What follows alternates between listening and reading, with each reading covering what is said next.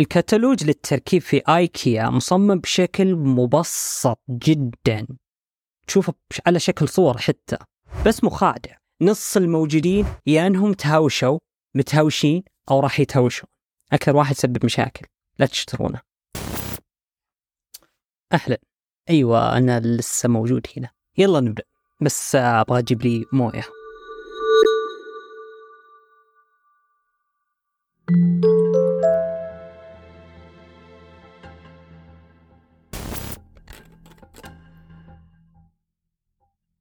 إذا تبغوا تختبروا زواجكم روحوا آيكيا Have you ever been to an IKEA?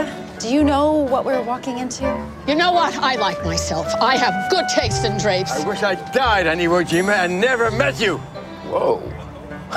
what was that? Not us. We are a good team.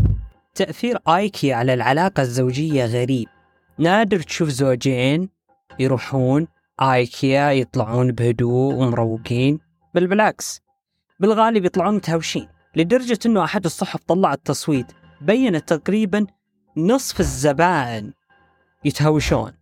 يعني لو تروح آيكيا نص الموجودين يا أنهم تهاوشوا متهاوشين أو راح يتهاوشوا. تشوف شنب منتوف من اليمين تقول شنبه زعل عليه. وهذيك نقابة زاوية حادة وغبار هنا تقول ماخذ قطعة كرتون وصفقها فيها مسكينة. تقول عالمة النفس الكلينيكي راماندي دورفاسولا أن أزواج كثير في جلسات العلاج لما يجونها يجيبوا طاري جدالات وخلافات صارت لها علاقة في آيكيا بمنتجات أو أنهم راحوا آيكيا. وهذا يصير بشكل متكرر لدرجة أنه زاد فضولها وتقول خليني هذه المرة أنا أروح آيكيا واكتشف الوضع لكن هذه المرة بقبعة الباحثة وليس بقبعة الزبونة. وراحت عدة مرات واكتشفت أنه ثيمات المناطق في آيكيا تخلي الجدال سهل يصير لأنه يذكر الناس ببيئتهم في البيت غرف النوم يذكرون بالعلاقة الحميمية والمشاكل اللي تصير فيها المطبخ يذكرون بأعمال التنظيف والغسيل غرف الأطفال والألعاب ما يحتاج نبدأ هنا عاد. ذكرهم بشطانة الأطفال ولعانتهم صالة العرض برضو تسبب حالة من القلق عند الزوجين حالة من القلق بالذوق.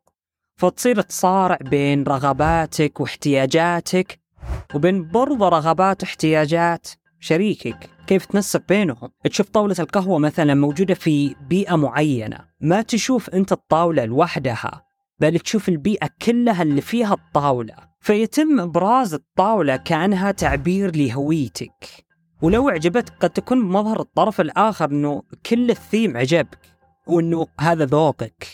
وهي قد يكون تعجبها طاولة في ثيم مختلف تماما عنك فيبان الاختلاف بينكم مرة كبير وتبدأ هذه الأسئلة المقلقة هل حنا نبغى نفس النوع من البيت؟ هل حنا نبغى نفس نوع الحياة؟ مين أنت؟ وتقول رماني صاحبتنا العالمة أي خلاص صارت صاحبتنا المنزل المثالي النظيف والأنيق والواسع في صالة عرض المتجر في آيكيا يصبح حرفيا خريطة لكابوس في العلاقة متجر آيكيا تشوف غرف نوم ومطابخ مثالية؟ فهذا يخليك تبدأ تفكر في حياتكم المنزلية. وكيف إنكم ما تروقون لغرف آيكيا المثالية المنظمة بشكل مثالي؟ تشوف مطبخ يلق ما فيه بقعة كافي وتبدأ تشوف عيوب شريكك. قد إيش هو غير نظيف ومرتب لهذه الدرجة؟ بدأت رماني تعالج العلاقات الزوجية تخليهم يرتبون أو يجمعون أثاث آيكيا في مكتبها كنوع من العلاج وكنوع من تمرين للعلاقة بالخصوص مهارة التواصل بينهم بعد هذه التجربة تقول رماني اكتشفت إنه منتج رفوف ايكيا هذا لايا توب The Divorce Maker صانع الطلاق يعني أسوأ شيء هو موجود لا تشترونه. أكثر واحد يسبب مشاكل. قد يجي في بالي جوكس نيو أقدر أطلبها أونلاين وخلاص أفك نفسي لا واحد بنص شنب ولا واحدة نقابها ماكل تراب Thanks. I'm glad you're helping. Alrighty, let's get stuck into the next one. Hand me that flat pack. Wow, look at you go. Where'd you learn all this? That obviously goes in there. أنت بتتوب يعني جمعت قطعة أثاث من آيكيا من قبل مع شريكك We got a receipt for this piece of shit. That doesn't go like that. Fuck off. نسبة كبيرة أنكم تهاوشتوا وأنتم بتجمعون قطعة أثاث آيكيا قطعة أثاث من آيكيا تلاحظ أن الخلافات المنزلية حول تجميع قطع أثاث آيكيا منتشرة بشكل كبير في عصرنا الحديث لدرجة أنه البعض صار يسخر أنه لو زوجين ركبوا قطعة أثاث آيكيا من دون ما يتهاوشون ذول الزوجين متعايشين بشكل حديث. لكن ليه هذا الشيء؟ ليه تجميع الأثاث اللي يجيك معبأ بشكل مسطح في كرتون مثير للجدل للأزواج؟ ليه الكلام حول الكنبات يسبب أهواش وعوار ما له داعي؟ باحثين في علم نفس وخبراء سلوك وأخصائيين أسريين يقولوا في آيكيا ومنتجاتها كل خطوة أو عملية تسويها تكون مليئة بالمحفزات العاطفية. وبالإمكان نتجنب هذه المحفزات بمجرد نعرفها ونكون واعين فيها. دون فيرجسون كاتب كتاب Reptiles in Love Ending Destructive Fights and Evolving Toward More Loving Relationships. يعني يقول أنك إنك ضب.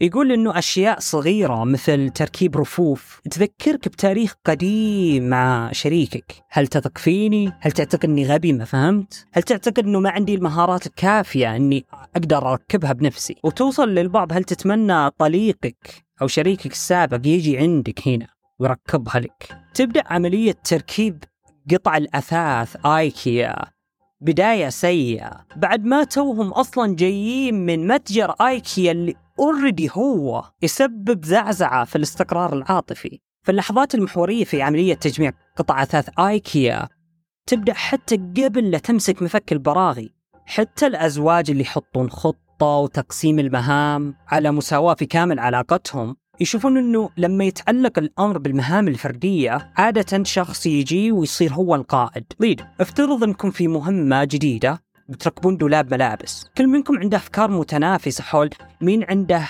المهارات الأنسب لتولي زمام المبادرة. فينشأ صراع على السلطة والصراعات على السلطة أرض خصبة للجدالات. هذا هو السبب برضو لما اتجاهات القيادة هي بداية جدالات قوية. يقول سكوت ستانلي أستاذ علم نفس مؤلف كتاب Fighting for Your Marriage حتى لما تحس شريكك متولي زمام الأمور وصاير الكل في الكل بتكون هناك لحظات لما المساعد يشوف إنه في أشياء المفروض تتركب بشكل أفضل من كذا. ومع حقيقة إنه كلنا نتفق إنه أدائنا يصير بشكل أفضل مع الانتقاد البناء بس ما نحب أحد يسمعنا انتقاد ولا ينتقد أدائنا. طيب طيب ليه ايكيا بالتحديد عندها هذا التأثير على العلاقة أكثر من أي شركة أخرى؟ الكتالوج للتركيب في آيكيا مصمم بشكل مبسط جدا. تشوفه على شكل صور حتى بس مخادع. يعطيك انطباع إنه بسيط الاستخدام في أي لغة وثقافة وانطباع إنه المشروع يمكن إنك تسويه في أقل مجهود ممكن وأقل وقت ممكن. لكن هذا الانطباع غالبا غير صحيح. فلما تخيب توقعاتك الإيجو حقك ينصفع على وجهه فتحط حرتك في شريكك. بل لاحظت دراسة في عام 2014 أن شعورك بالإحباط تجاه مهمة معينة يأثر على طول على مشاعرك تجاه شريك الدراسة جابت 120 شخص. قسمتهم إلى مجموعتين. مجموعة أعطتهم مهمة بسيطة مرة وخالية من أي مجهود. مثلا تدون أرقام بالترتيب 2 4 8 16 والمجموعة الأخرى أعطوهم مسائل مرة معقدة رياضية. لما خلصوا من المهمة سألوهم كل واحد يعطي مدحة لشريكه. المجموعة المجهدة مديحهم كان أقل 15% فاستنتجوا أنه التجربة اللي تسبب توتر حاد تأثر على سلوكيات العلاقات. والضغط اللي يتولد من تجميع قطع الأثاث هذا برضو يأثر على العلاقة الإيجابية. فيقول أحد الكتاب إذا تبغى تختبر مدى توافقك بينك وبين شريكك اركبوا زورق يقول هذه التجربة مليئة بعوامل خارجة عن إرادتكم. الطقس والتيارات وأسماك القرش تعطيك لمحة كيف الناس تتفاعل مع الضغط. فالسؤال يكون هل يميل الناس أنهم يحطون اللوم على طول على الشخص الآخر أم يحاولون أنهم يفهمون أنه الأحداث هذه قد تصير فجأة. فخلال عملية تركيب أثاث آيكيا راح تصير أشياء بطريقة غير متوقعة. قطع من الأثاث تنفقد أشياء بتنحط بمكانها الغلط فإلى أي مدى راح نلقي اللوم على الشخص الآخر؟ فبدل لا يكون يوم جيد يكون يوم آيكيا. الجدال مع شريكك قد يحفز استجابة الهروب أو المواجهة وهي الحالة النفسية للفرد. اللي تطورت لمساعدتنا على التعامل مع الإجهاد الحاد. وقتها وظائف أساسية مثل النضج والصبر والعقل يوقفون مؤقتا عشان تستعد للمعركة. ما أعرف وش أقول بعدها صراحة لكن لا تروحون آيكيا أمزح. بس الفكرة اللي استنتجتها هنا هي لما تكونوا عارفين إنه هذه التجربة راح تأثر على علاقتكم أو بالإمكان أنها تأثر على علاقه على علاقتكم سلبا فمن السهل عليكم أنكم تكونوا واعين تصرفاتكم أكثر مع بعض خلال التجربة مما يخلي التجربة تكون فيها إيجابيات أكثر وتقللون السلبيات.